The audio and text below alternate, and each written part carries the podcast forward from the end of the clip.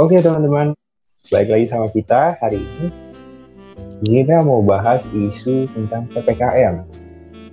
Di mana khususnya ada aturan baru yang sebelumnya itu aturan ini aturan untuk makan di dine tempat atau dine in selama 20 menit tapi direvisi dan diubah jadi 30 menit. Gimana tanggapan lu tentang aturan ini? Waduh, gimana ya? Dine in 30 menit. Kalau buat gue nih sejarah jujur sih gak bakal cukup ya. Mungkin dari dari aturan yang pertama deh, 20 menit. Aturan pertama kan 20 menit ya, itu lebih parah lagi sih. Apalagi orang Indonesia kan lu tahu sendiri lah pasti kalau makan tuh kan pasti ambil ngobrol kan. Gak mungkin makan tenang diem doang. Pasti ambil ngobrol-ngobrol dulu kan. Gak bakal cukup sih. Bener sih bener. Oke, jadi kayak kecepatan ya, nggak mungkin. Gak mungkin. Sih. gitu. Tapi kalau menurut lu gimana? Cukup gak kalau buat lu seorang diri misalnya? Menurut gua sih ya, em, cukup sih kalau kita lihat angka sih cukup. Tapi menurut gua juga aturan ini diberlakuin tuh sebenarnya nggak nggak cuma lihat dari angkanya aja ya 20 menit. Hmm. Intinya tuh pas lu udah kelar makan tuh langsung cabut gitu. Maksudnya tuh kayak gitu. Hmm.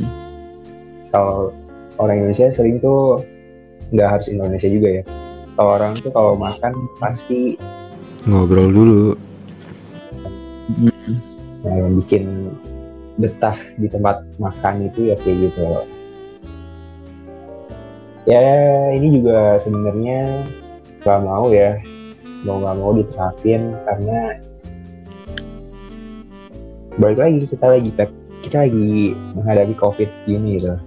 Musuh kita nggak kelihatan. Bener.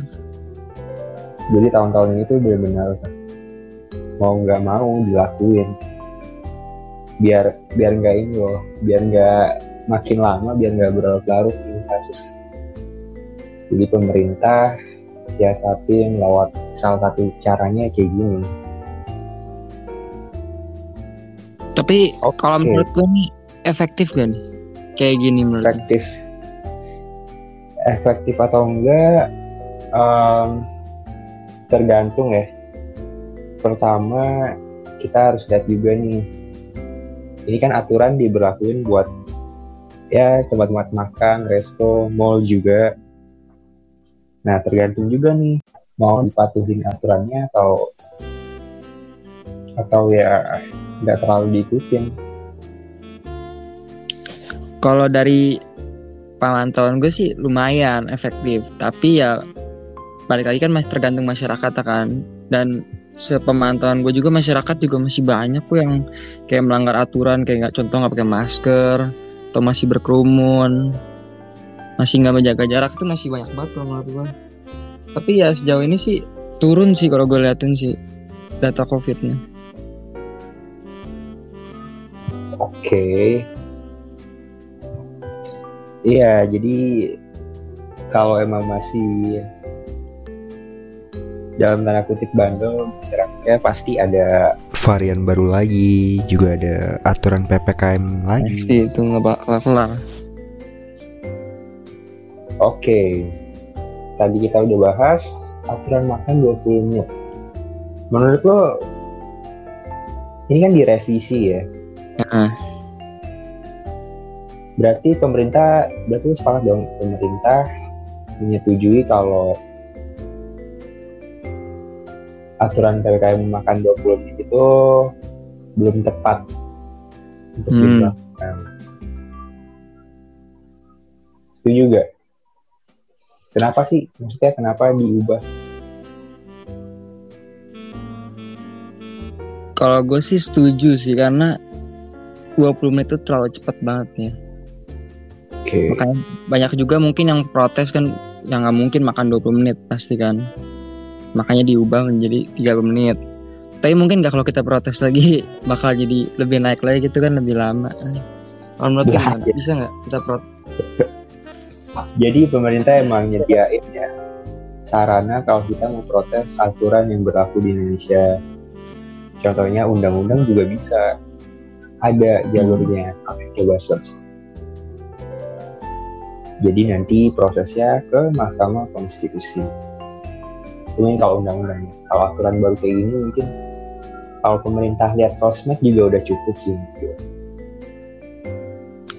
Karena sosmed di Indonesia besar. Sangat luar biasa. Iya jadi pemerintah juga harus aktif juga di sosmed. Hmm. supaya aspirasi kita sebagai masyarakat bisa dilihat langsung. Kalau gitu ntar gue coba protes kali ya di sosmed kali ya biar lebih lama kan lanjut lanjut lanjut. sejam gitu ya. Kira-kira kira-kira ini bakal berlangsung sampai kapan sih?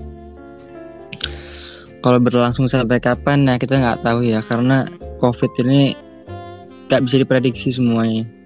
Kayak sebelum sebelumnya kita kan sempat turun terus tiba-tiba meledak lagi. Dan sekarang lagi melandai lagi dan nggak tahu bakal berhenti terus apa atau meledak lagi kita nggak tahu. Jadi nggak bisa diprediksi sih kalau kota gue ya. Tapi kita berdoa semoga cepat kelar sih ini. Oke. Kalau gue sih optimis ya. 2 sampai tiga tahun lagi sih. optimis gue di tahun-tahun kalau optimis gue malah setahun lagi. Ya? Kenapa? Kalau optimis gue malah setahun lagi sih. Setahun ya ya nggak apa-apa.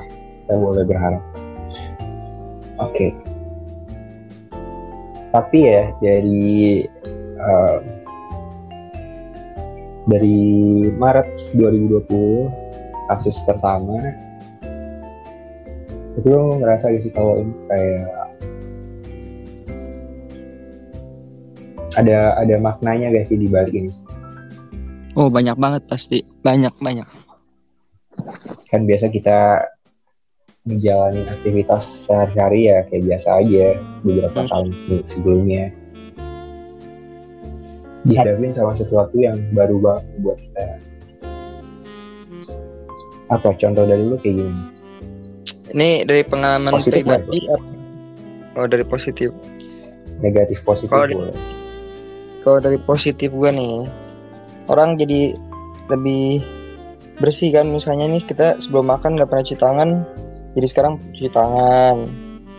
Kan dulu kan jorok kayak ales termasuk gue ya termasuk gue nggak pernah cuci tangan sekarang mau nggak mau. Terus kayak habis pergi keluar harus mandi dulu gue kan nggak pernah jujur aja nih. Oke. Tapi kalau negatifnya?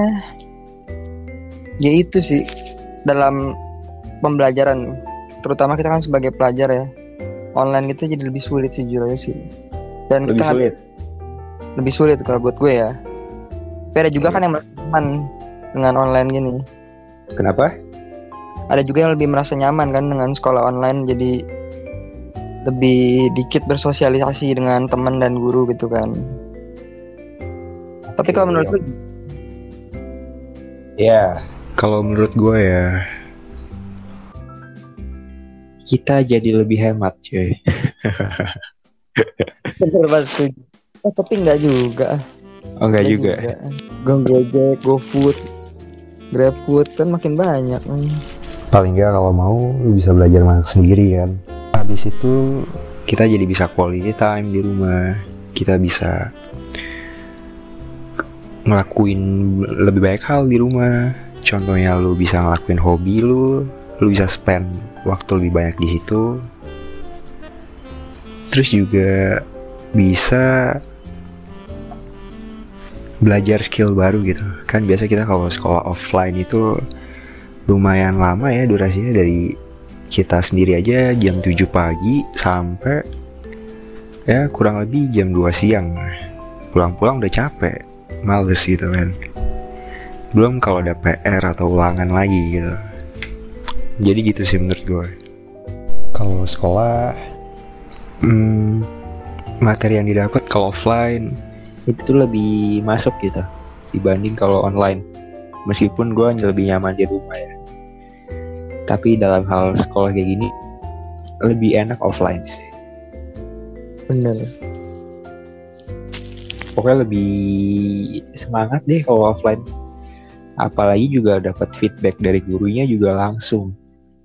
Kalau misalnya ada yang bingung ya bisa langsung nanya secara lisan juga COVID-19 ini benar-benar mengubah identitas manusia banget sih yang mengubah identitas manusia dari caranya bersosialisasi.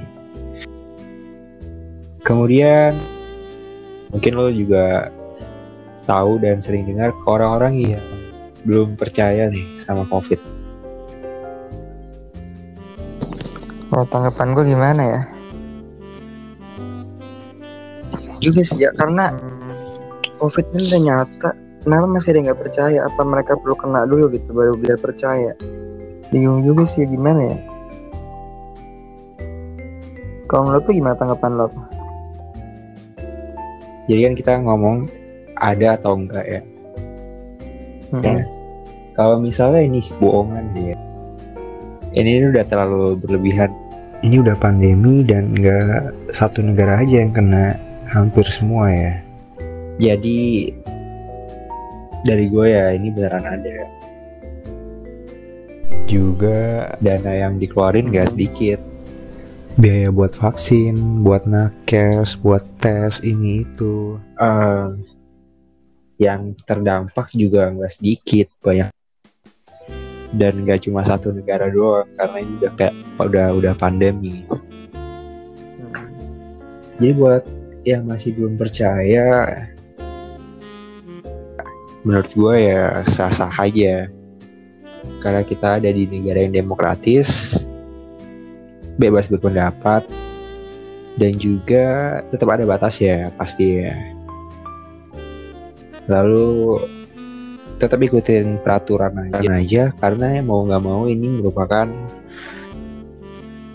kebaikan bersama juga. Untuk kebaikan bersama bukan satu dua pihak ya.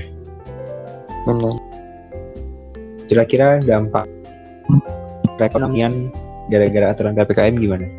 Yang sekarang? Ah ya. Parah sih kalau kata gue dan ke perekonomian ah, banyak yang kena PHK kan terus banyak yang harus tutup juga kan restoran-restoran atau perkantoran gitu kan kacau banget sih kalau ppkm ini Iya. harus lanjut ya kalau kata gue nih. kacau banget sih ini pasti Oke. ya paling kita menyesuaikan aja sih dengan pandemi ini ya lama-lama nanti masalah kita jadi terbiasa apalagi dengan divaksin ini kan nggak hilang total Iya. virus ini kayaknya nggak jadi kita menyesuaikan aja hidup dengan covid Kesimpulan dari gue, kita tetap harus ikutin peraturan yang udah dikeluarin pemerintah karena ya mikirnya demi kebaikan bersama dulu aja deh biar COVID-19 ini cepat reda dan aktivitas bisa berjalan lagi kembali seperti normal. Jadi kita bisa lebih bebas ya intinya kelarin dulu aja nih masalah yang ada di depan mata kita dulu. Karena itu udah jelas-jelas kelihatan ya. Dan ini juga perlu kerjasama nggak cuma satu dua orang tapi benar-benar semua. Ayolah kita bahu membahu yang penting ini kelar dulu gitu. Kalau menurut lo gimana? Ya tetap patuhin dulu protokol kesehatan ini terus kayak kita ya tetap taatin dulu peraturan pemerintah biar kita ke depannya kan udah mulai baik-baik lama-lama kan mulai normal lagi ke depannya pasti kan.